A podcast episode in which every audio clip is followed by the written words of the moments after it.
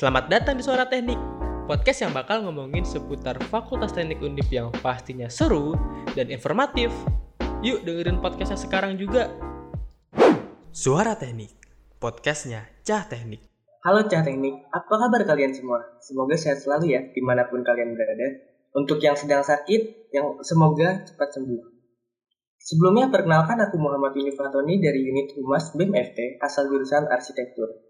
Di podcast kali ini kita kedatangan pembicara yang super keren yaitu Mas Haidar dari Teknik Kimia 2016 yang sekarang sudah bekerja di PT Karzes. Untuk Mas Haidar diperkenankan untuk memperkenalkan diri terlebih dahulu Mas. Uh, Oke, okay. terima kasih kesempatannya. Uh, thank you for having me. Perkenalkan, nama saya Haidar Maris. Saya dulu kuliah di Undip Teknik Kimia 2016. Uh, saya dulu nggak BEM, uh, tapi ya well, thank you sudah diundang dan semoga bisa apa ya ngasih insight baru lah ke teman-teman yang lagi kuliah buat ke dunia kerja kayak gimana. Oke, okay. terima kasih. Monggo. Oke. Gimana nih Mas kabar selama pandemi? Sehat-sehat aja kan uh, ya Mas ya? Uh, well ya yeah, sehat secara jasmani ya. Kalau mental mungkin kita semua you know lah. Kena imbasnya pasti. Uh, tapi ya well saya nggak tahu ke dunia kuliah gimana tapi sempat sempat tanya ke teman-teman sangat overwhelmed ya dengan apa yang diekspektasikan dan apa yang didapatkan. Tapi buat saya personally uh, untuk dunia kerja karena saya di bidang yang esensial ya jadi ya ya kalau kerja ya kerja gitu kan. Jadi untuk WFH itu nggak terlalu terpengaruh lah Oke, bener sih mas. Buat mahasiswa sendiri, terutama saya ya, walaupun saya arsitektur yang bisa tetap stay at home gitu tetaplah esensinya kurang hmm. gitu mungkin kalau buat masnya yeah, yeah, pasti, pasti. Ya. karena udah kerja juga kan nih bisa dihandle dari rumah aman lah ya iya iya iya oke jadi gini mas di podcast kali ini kita bakal ngebawain topik nih seputar dunia kerja terutama di jurusan mas yang sekarang di KRJS oke langsung aja masuk ke sesi tanya jawab untuk kesibukannya akhir-akhir ini ngapain aja sih mas kalau boleh tahu nih saya? Uh, well karena saya itu uh, gimana ya bahasanya pekerjaan saya tuh emang mengharuskan saya untuk selalu mobile dari satu customer ke customer lainnya jadi uh, sejak join uh, itu tuh saya banyak traveling lah istilahnya. Dari satu kota ke kota lain. Jadi itu takes time dan uh, ngambil banyak tenaga menurut saya. Tapi karena emang kerjaannya fun ya dan fleksibel sih terutama itu fleksibel yang mana kita pengen lah kerja fleksibel.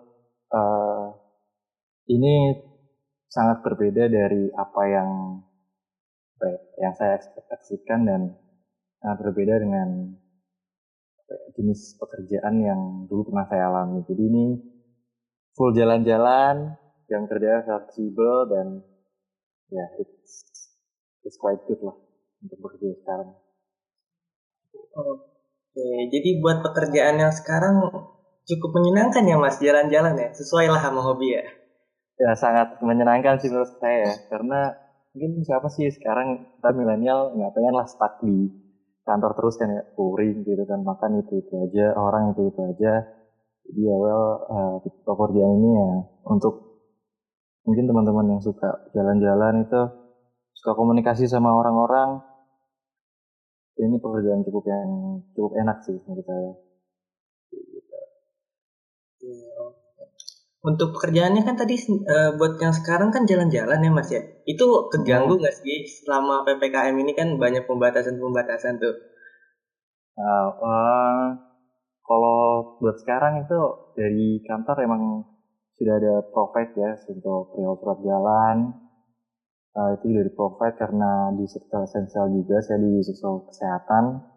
Tapi yang enaknya ketika uh, kita tim harus traveling itu ya harus antigen PCR berkali-kali yang itu mungkin cukup bikin dekan ya karena ya kalau positif ajar gue nggak kerja dong gitu kan nggak bisa berangkat dong padahal misal destinasinya ke Bali gitu kan dan ya itu sih mungkin Bener-bener ya. ya kan ada Kadang kalau udah excited banget nih kerjaan kita mau ke Bali atau Lombok Iya. atau positif. Eh, sedih kan. iya kita sedih. Walaupun sebenarnya kerjaannya ya juga di sana fleksibel juga kan. Jadi ya ya awalnya buat eh, excited gitu ketika misal positif gitu kan. Tapi amit-amit ya sangat enak sih gitu kan. Jadi kita punya kesempatan buat kenal orang di sana dan kita bisa ngerasain vibes yang ada di tempat tersebut kayak gitu Oke oke, makasih Mas Haidar. Ini kan temanya sebenarnya eh, tentang dunia kerja ya Mas ya di podcast kali ini. Eh, bisa diceritain nggak sih Mas gimana cara eh, dulu Mas Haidar nyari-nyari lowongan pekerjaan dan hambatan apa sih yang ditemui sama Mas Haidar setelah lulus tuh untuk mencari pekerjaan?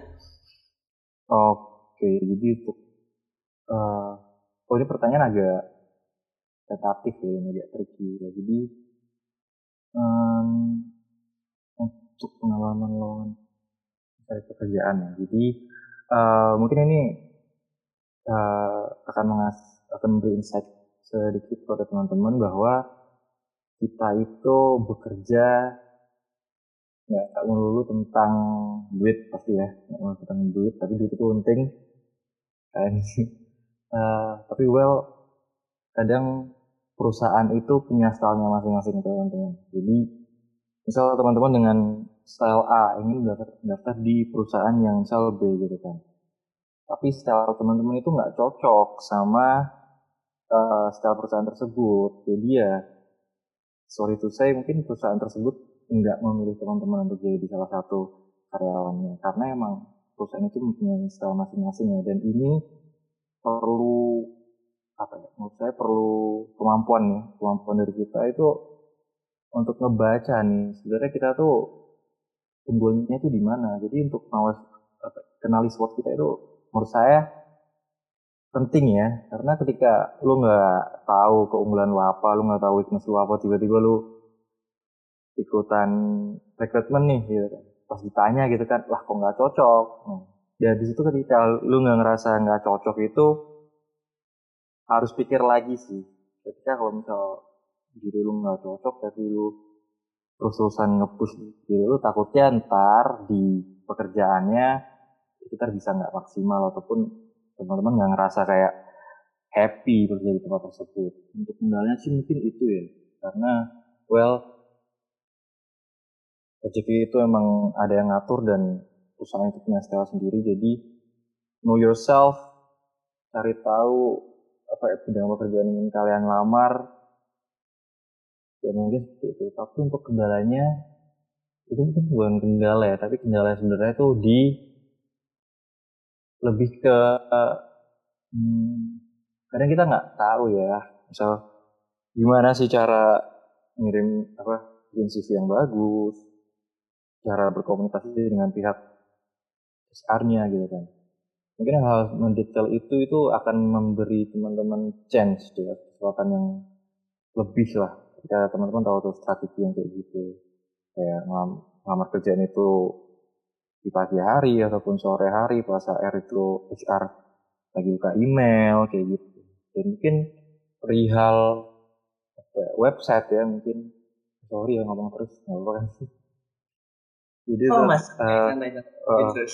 webs jadi website ya menurut saya tuh eh ya FYI mungkin banyak teman-teman yang mungkin sekarang udah punya profil LinkedIn ataupun punya melihat di follow di Sina Kerja di Instagram gitu kan. Tapi for me personally eh kalau mau boleh saran itu the most trusted website menurut saya itu adalah Caliber sama LinkedIn. Udah itu aja. Stick around. Kayak gitu aja sih. Saya nggak jarang pakai yang kayak di sana kerja job street kayak gitu. Itu jarang. Mungkin itu bisa jadi uh, peluang teman-teman lah seperti itu. Mungkin itu sih yang kayak uh, simple thing tapi matter buat kesempatan teman-teman ngelamar kerja. Oke, jadi buat kendalanya Mas Da- Mas Said Haidar tadi ya buat daftar kerja itu kadang eh, masalah pembuatan CV, pengiriman email dan betul betul. kadang eh, kerjaan yang kita inginkan tuh nggak sesuai dengan gaji yang ditawarkan gitu ya mas ya? Ya, tapi kalau gaji ini ya eh, dis- disclaimer dulu ya.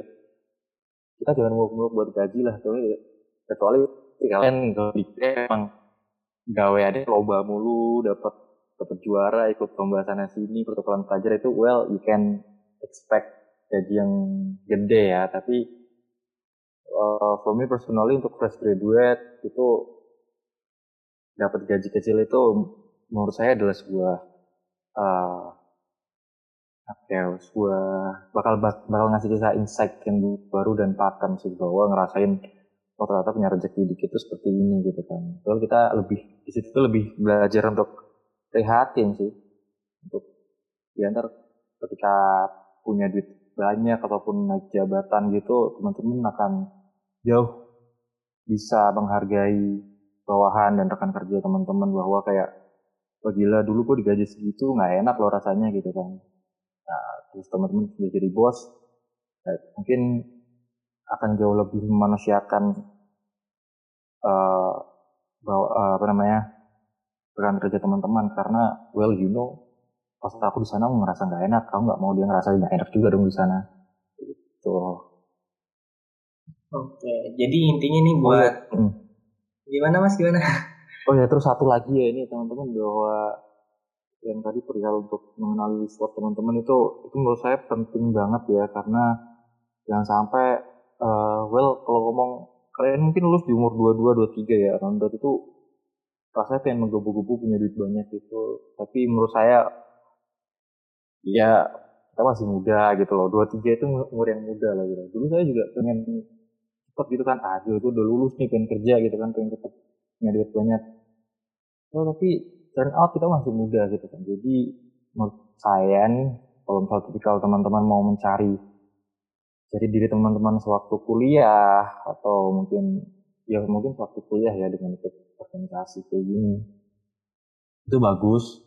Tapi kalau misalnya mau teman-teman mau nyari jadi diri dan nyamannya ketika kerja kayak gue pengen ntar 5 atau 10 tahun ke depan gue mau kayak gini nih. Nah, itu kita harus tahu diri kita tuh nyamannya di mana. Salah satunya ya emang nyari dari kuliah nyari namanya kuliah dan ya mungkin pas kerja kalian bisa bisa coba-coba lah mungkin setahun kerja di tempat situ ngerasain nyamannya atau enggak nyari ilmunya juga. Jadi ini buat tips para lulusan baru. Mau cari kerja jangan pentingin duit dulu. Yang penting sesuai lah apa yang kerjaan itu ini kalian inginkan gitu. iya benar. Dan kalau ngomongin kerjaan banyak ya kayak hal-hal yang perlu diperhatikan itu. Tapi well saya personally saya nggak terlalu menuntut gaji ya. Tapi saya tuh demanding dengan apa ya mungkin environment bekerja yang uh, supportive dan pasti kita pengen lah punya bos atau punya atasan yang baik dan mencalon diri kita untuk jadi yang lebih baik. Kayak well you know leaders create leader gitu loh. Jadi kayak kamu nggak cuma disuruh-suruh doang kayak tolong bikin ini tolong bikin ini tapi nggak dikasih tahu caranya kayak gimana gitu. Menurutku itu adalah satu aspek penting ya selain gaji dan mungkin fasilitas bekerja bos yang baik dan bos yang care sama kita itu adalah satu nilai plus sih dalam bidang pekerjaan. Kalian juga nggak mau dong punya uh, kab, apa ya kabit kepala bidang yang nggak asik gitu kan nggak ngajarin gitu kan. Ngapain anjir gua di sini? gitu kan kalau nggak diajarin gitu kan. Buang-buang waktu doang. Nah, kayak benar-benar gitulah. Nggak ada jadi well open uh, well buang waktu doang ya mas ya? FYI bahwa mungkin sekarang lebih sekarang mulai dibudayakan ya bahwa kalau menurut saya sih open communication dan terbuka terhadap kritik itu adalah suatu has- hal yang harus ya. Ya kalian ya ada evaluasi aja sih menurut saya buat jadi improvement ke depan kalau kita nggak improve ya ketinggalan dong kayak gitulah istilahnya. benar-benar benar untuk bisa berkembang lebih jauh ke depannya kita harus bisa Hmm. menerima kritik lah dari siapa pun itu ya mas benar Siap. Oke. Kasih BTW ya. kalau kekencengan bilang ya. Kalau kayak kamu rasa ngomongnya kekencengan gitu. normal kok mas dia aku masih kedengeran biasa gitu Oke, uh, lanjut ke next question. Uh, Sebenarnya ini udah dibahas sih tadi tipis-tipis gitu.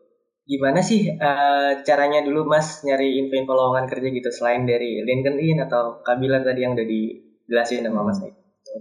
Mungkin ada oh. cara-cara oh. lain gitu buat nyari info kerjaan. Info kerjaan ini pertama ya. Well, nanti akan ada suatu saatnya teman-teman yang mungkin lulusan kayak apa ya, teknik sipil, teknik apa ya, mungkin harusnya lebih independen ya. Yang kayak PWK atau teknik lingkungan gitu. Maka kalian akan merasakan di suatu saat bakal kayak ah apa aja gue lamar deh gitu kan. Nanti gue kerja gitu kan nggak nganggur di rumah gitu. Punya duit dia bisa kayak ya.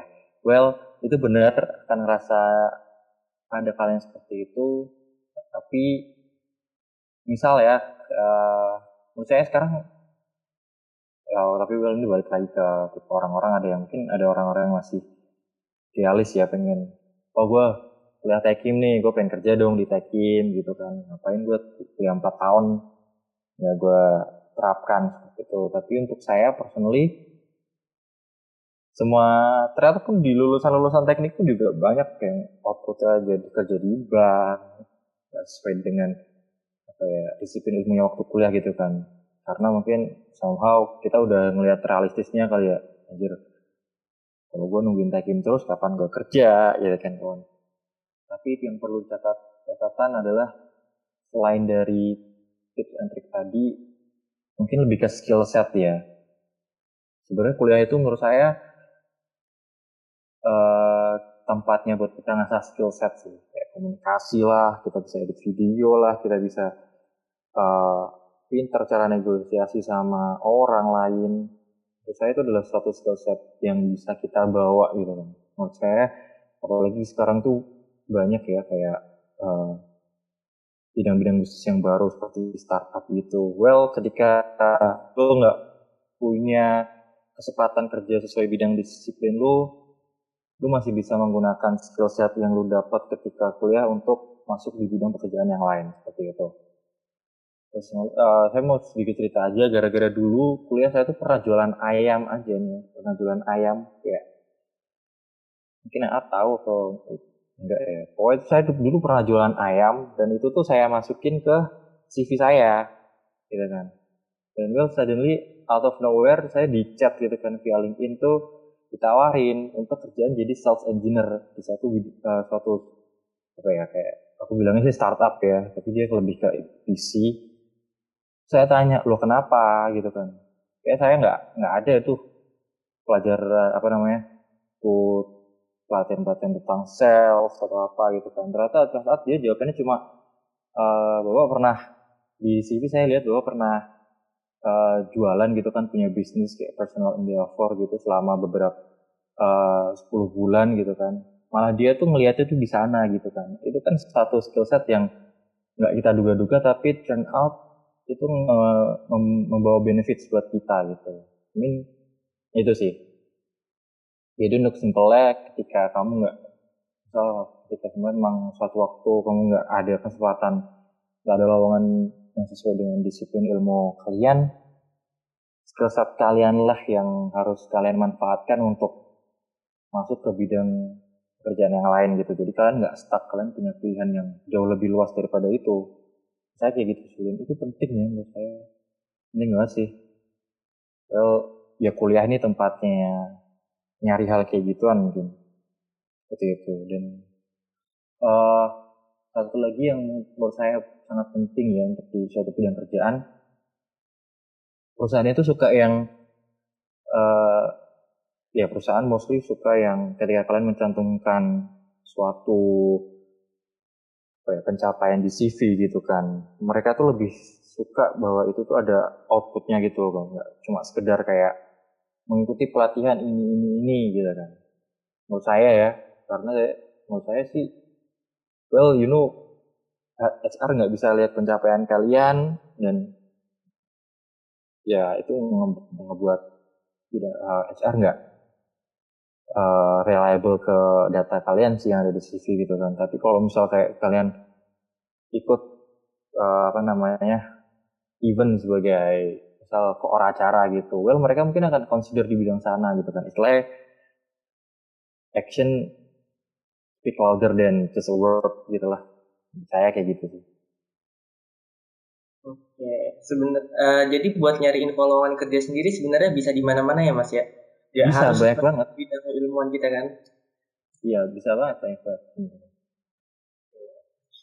Oke, tuh saran jadi selama kuliah carilah skill set sebanyak-banyaknya biar nanti pilihan kerjaannya pun bisa lebih banyak juga. Oke, kita lanjut ke pertanyaan selanjutnya.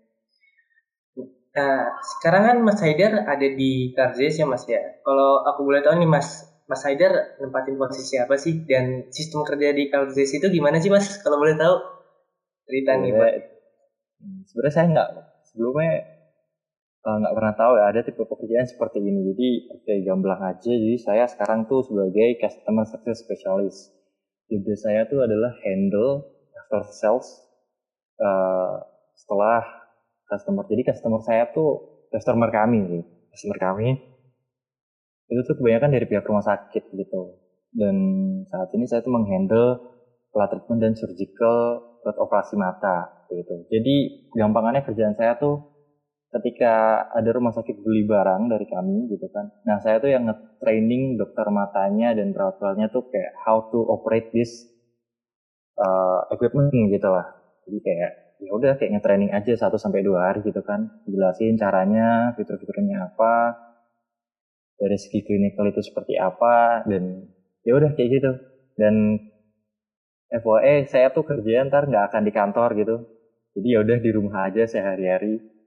Kalau misalnya ada callingan gitu kan misal Haidar uh, ini di daerahmu ada nih gitu kan di rumah sakit misal Karyadi gitu kan. Mereka ada kelas ini gitu kan. Ya udah training gitu kan habis itu satu sampai dua hari kelar ya udah balik ke rumah lagi aja gitu kan. Jadi saya tuh ntar kerjanya nggak di kantor tapi ya udah di rumah gitu. Dan mostly tipe pekerjaannya akan traveling seperti itu. Traveling dan travelnya itu ya you know lah itu di luar gaji dan itu bakal ditanggung sama kantor untuk kebutuhan makan segala macam hotel itu akan ditanggung sama kantor. Ya sangat bersyukur lah saya di tengah pandemi ini dapat kerjaan yang kayak gini. Jadi ya lumayan. Bukan lumayan sih emang enak aja sih. Jadi eh, untuk tadi ya bidang pekerjaannya untuk Kalze sendiri ya emang kita emang udah apa ya perusahaan dinosaurus lah. Kita udah mau 175 tahun ada gitu. Jadi emang kita well sebagai pionir dan ya pionir sih.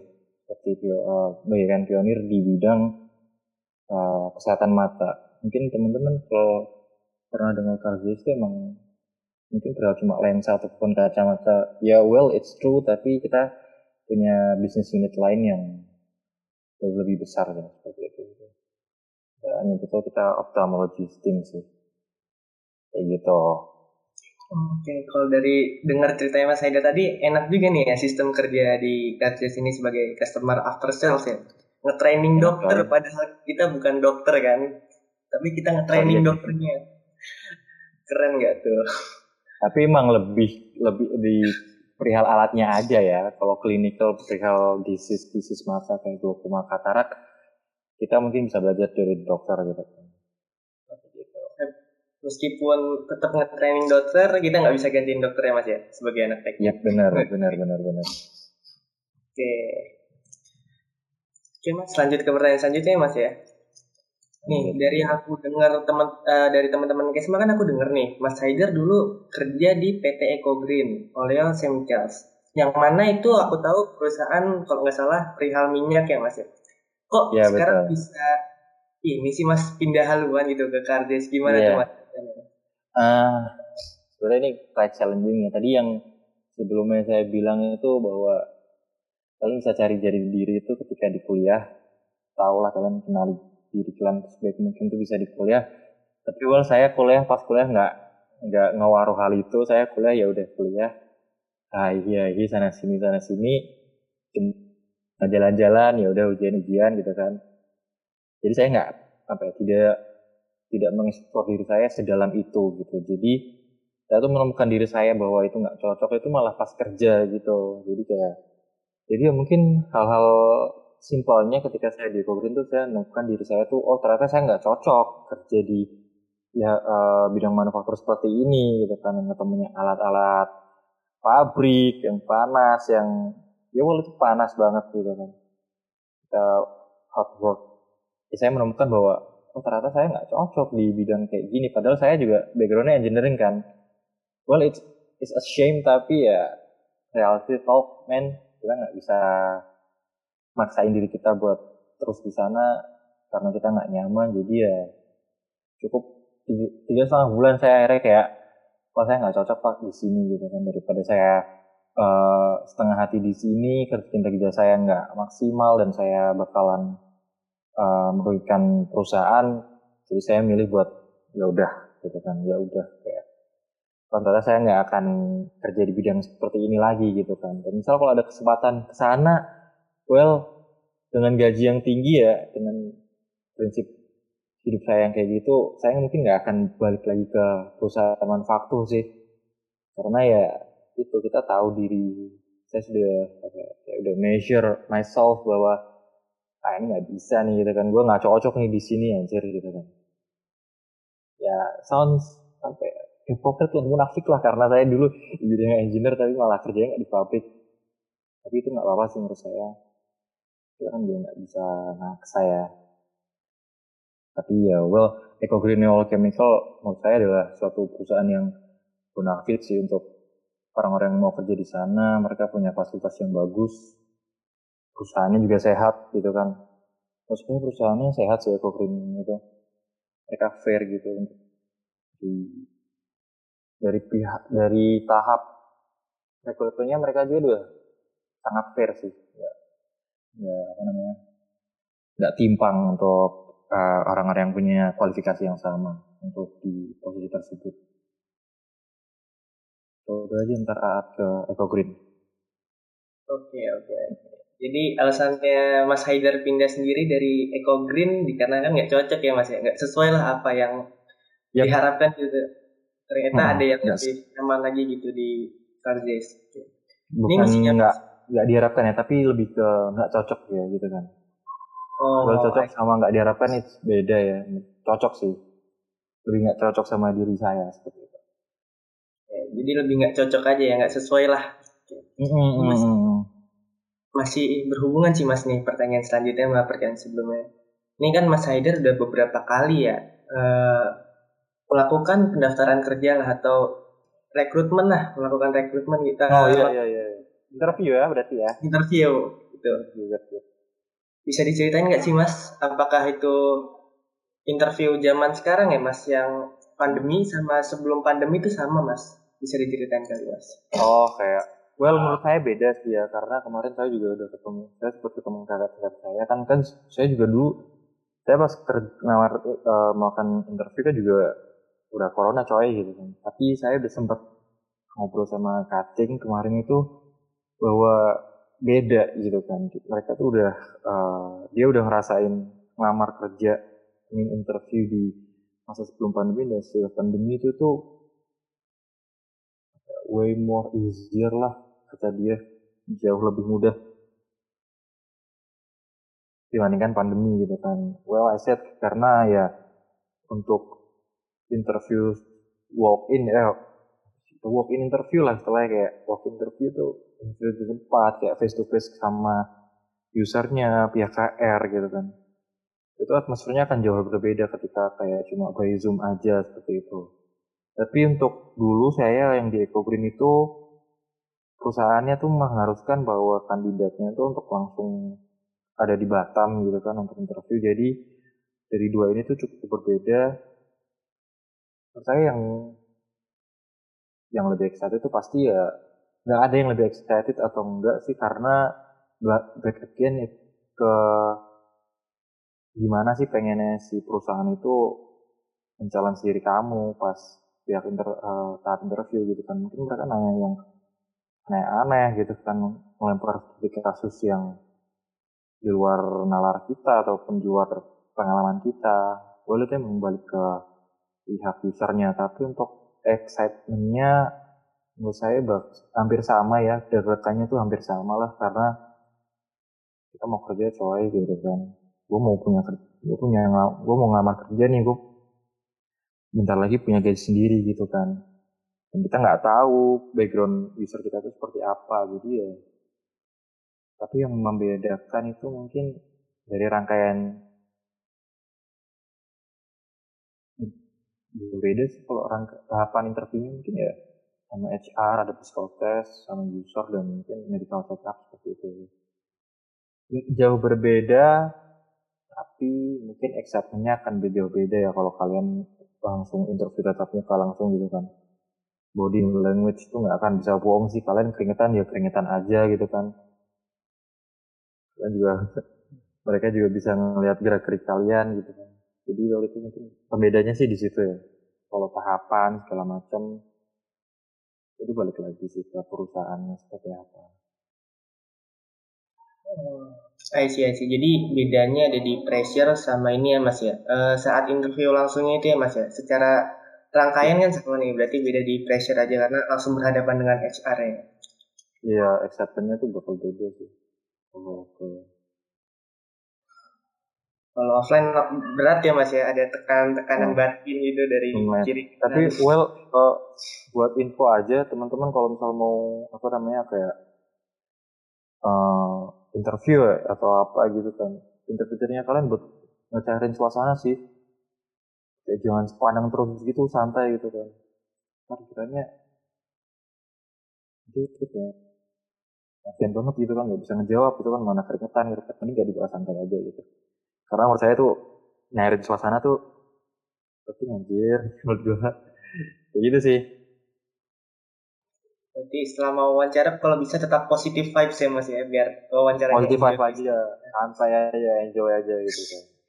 Pun juga, oh, oh ya ini lagi satu lagi nih teman-teman. Nah, aku lupa tadi kan di awal aku sempat ngomong ya bahwa perusahaan itu punya stylenya sendiri ya kan. Jadi kalian kayak cocok-cocokan aja gitu sama tipe perusahaan yang kalian lamar gitu kan. Mungkin yang di uh, mungkin di pihak psikotes gitu kan. Psikotes kan ada tujuh tujuh tipe lah ya menurut saya.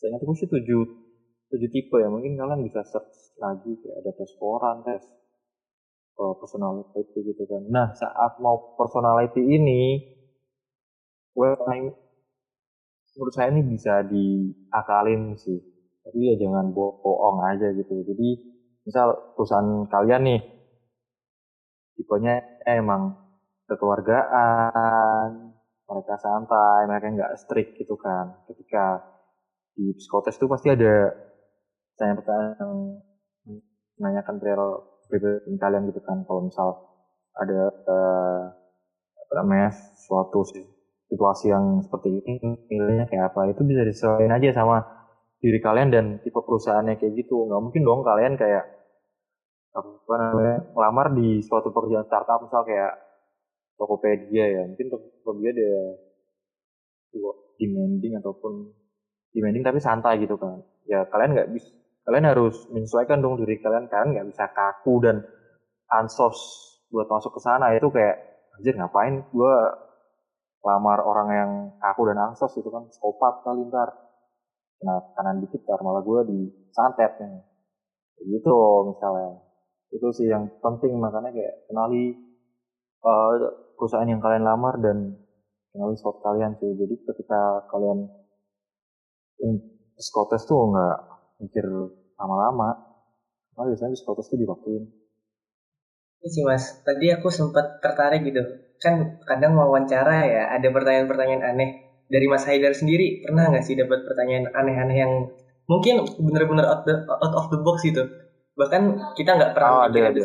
Ditanyain. bisa ceritain nggak mas ada ada. Itu dulu sebenarnya ini bukan out of the box ya tapi kayak jawabannya itu tentatif lah.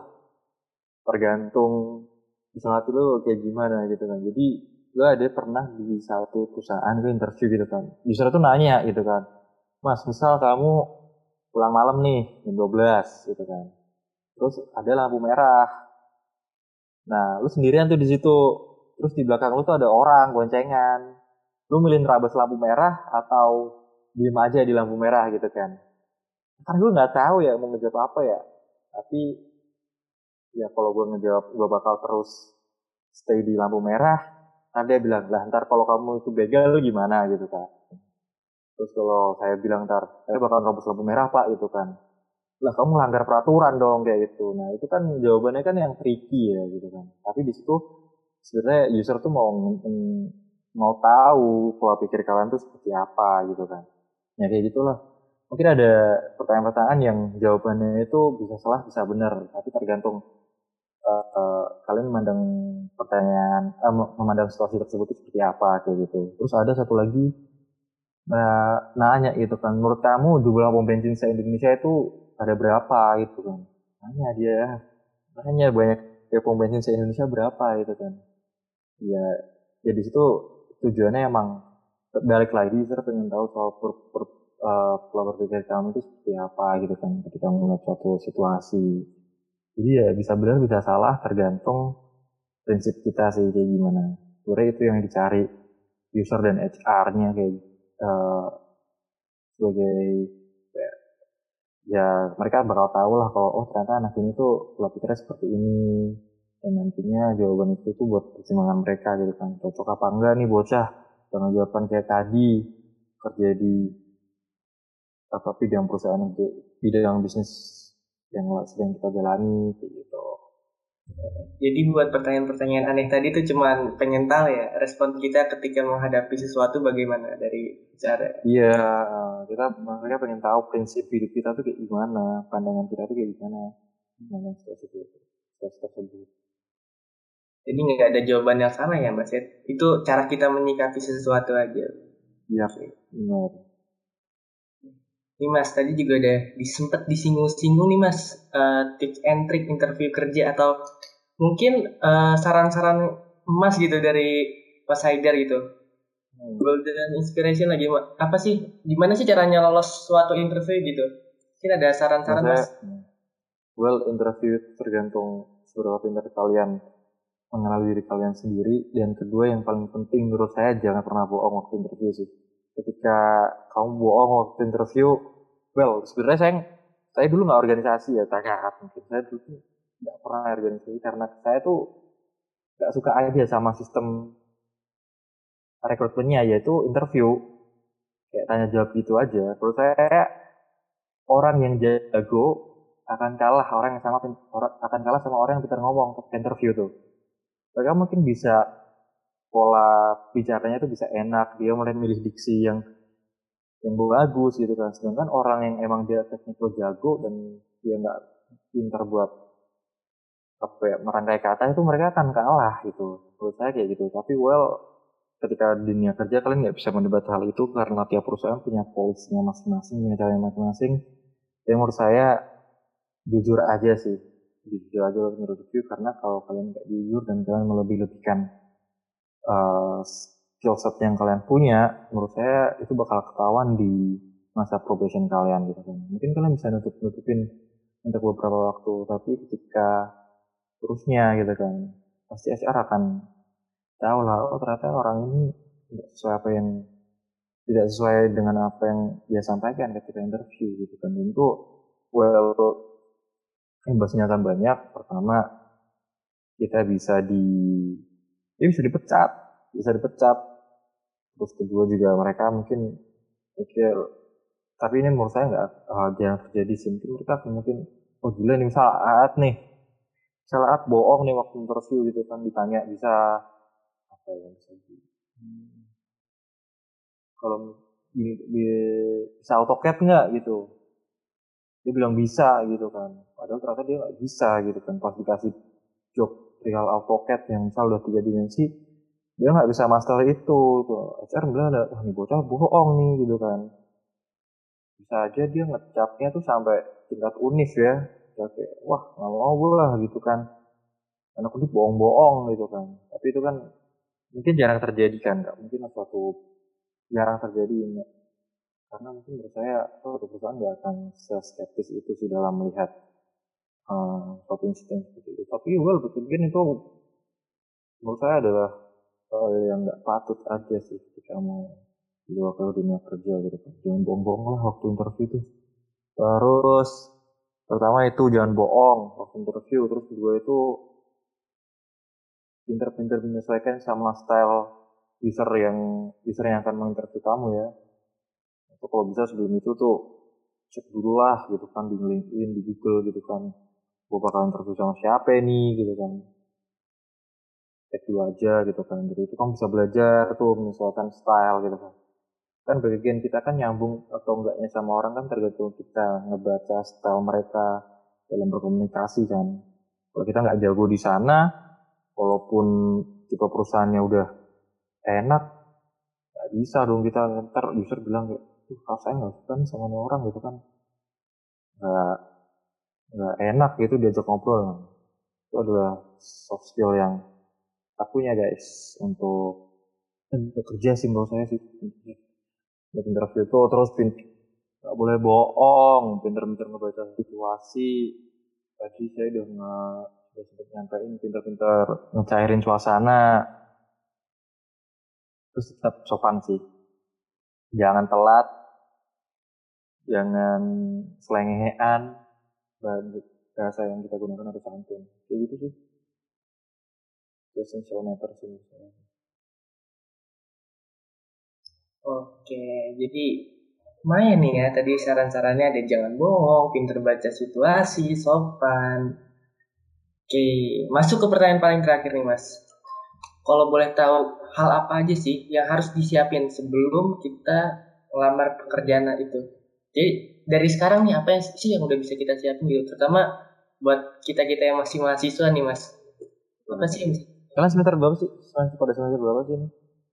Kalau aku masih baru sih mas, baru semester 3. Tapi di sini ada yang atas atas juga. Paling tua semester berapa di sini? Kayaknya ada nih angkatan 18 juga ada sih mas. Ya, A sih, berarti 18. Eh, A 19, 18. Ah, well, yang all I can say yang bisa kalian lakukan selama kuliah untuk mempersiapkan dunia kerja itu kuliah yang benar. Means setiap project itu kalau bisa itu bener-bener dikerjain dengan baik sih saya karena well you know akan banyak pertanyaan tentang kalian kuliah ngapain skripsi kalian apa penelitian kalian apa kalau kalian nggak sungguh-sungguh di sana kalian ditanya itu mungkin ya mungkin kalian pas sidang ditanyain hal yang kayak gitu ya mungkin ditanyain skripsi itu kalian bisa mengcounter dengan baik karena dosennya. Tapi well ketika kalian udah kerja dan naasnya kalau itu pas skripsi itu nggak sungguh-sungguh saya bisa jamin itu udah nguap itu ilmu skripsi. Dan akan dilihat dan akan ketahuan sama orang usernya kalau wah ini, ini anak kelihatan nggak sungguh-sungguh nih pas ngerjain skripsi. Karena kalau kita sungguh-sungguh pas ngerjain skripsi mau ditanya kayak apa berapa lama itu akan stick around our head sih saya.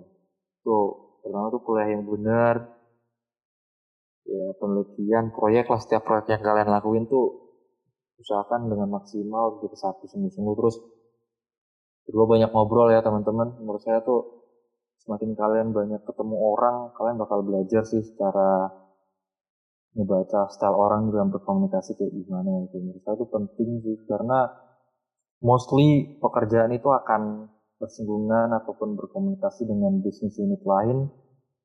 And jika kamu tidak lihai dalam berkomunikasi itu biasanya miskom. Dan miskom itu adalah hal yang sangat-sangat anti di pekerjaan karena ya itu lead itu bakal apa ya bakal lead us to trouble terus yang ketiga kalian pasti familiar dengan soft skill ya well itu speak louder sih than your hard skill menurut saya karena emang soft skill itu yang ternyata begitu pentingnya teman-teman soft skill di uh, pekerjaan itu emang penting banget ya.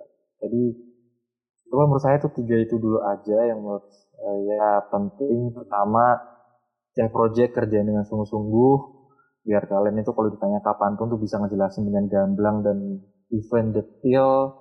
Terus yang kedua banyak banyak komunikasi sama orang biar tahu orang tuh kalau diajak ngobrol tuh enaknya kayak gimana. Jadi kalian tahu celahnya. Yang ketiga itu soft skill ya organisasi kayak gini nih. Dan ah penting banget. Ya, organisasi saya punya cara lain untuk nyata soft skill saya. Terus yang ter eh berdoa di berdoa aja mau biar dilancarin urusannya. Mungkin itu sih teman-teman. Karena kalau saya mau mau aja ya. Well emang rezeki di tangan Tuhan. Tapi jangan sedih ketika misal kalian punya pencapaian dari di kuliah misal kalian lulus cum kalian punya segudang uh, bukan segudang sih eh segudang itu kreatif ya. Mungkin kalian punya beberapa pencapaian dalam organisasi dan uh, akademik tapi well ketika urusan pekerjaan mungkin hal itu semua nggak akan apa ya nggak akan sesuai dengan ekspektasi kalian. Mungkin kalian juga mungkin akan nganggur dulu lama gitu kan. Ya nah, itu balik lagi teman-teman gimana cara mensyukurinya sih Jadi dari Mas Haidar sendiri ada beberapa saran nih buat kita yang masih kuliah. Pertama, kuliah yang benar. Kedua, maintain pekerjaan atau tugas atau project dengan baik sebaik-baiknya agar nanti ketika ditanyakan oleh HR, kita dapat menjawabnya dengan jelas. Yang keempat ada latih soft skill dan yang terakhir ada melakukan banyak doa lah ya Mas ya. Oke. Ya ini Mas. yang masih punya orang tua baik-baik sama orang tua jangan bikin gede orang tua ya lupa deh.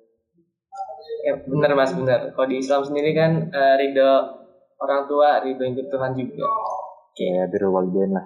Oke. Oke. Ini Mas sebelum podcast ini ditutup ada nggak closing statement dari Mas Haidar nih terutama buat pendengar-pendengar podcast suara teknik Oke okay, teknik ya. Oke, okay. oh pada teknik ini ya teknik keras tapi pekerjaan lebih keras coy gitu. Udah situ aja sih. Teknik keras tapi nggak sekeras pekerjaan sih. Jangan keras, hidup keras. Well get used to it. Jangan manja-manja sih menurut gua gitu kan. Dapat dosen yang menurut saya enak aja. Lu masih ngeluh gitu kan. Well kurang-kurangin. Ya menurut gua kurang-kurangin sih makan aja pahitnya dulu ntar juga manisnya lu dapet dah jadi lah dan iya, hidup teknik hidup teknik teknik jaya Mas Haidar buat closing statementnya. Ini aku simpulin dulu ya dari awal kita wawancara tadi. Jadi untuk mencari lowongan pekerjaan sendiri, carilah pekerjaan itu apa pun, di mana pun, jangan terpaku hanya dengan gaji, tapi lihat juga lingkungan kerjanya bagaimana, apakah sesuai dengan yang kita inginkan atau tidak. Dan jangan jangan terpaku lah sama orang lain gitu ya mas ya.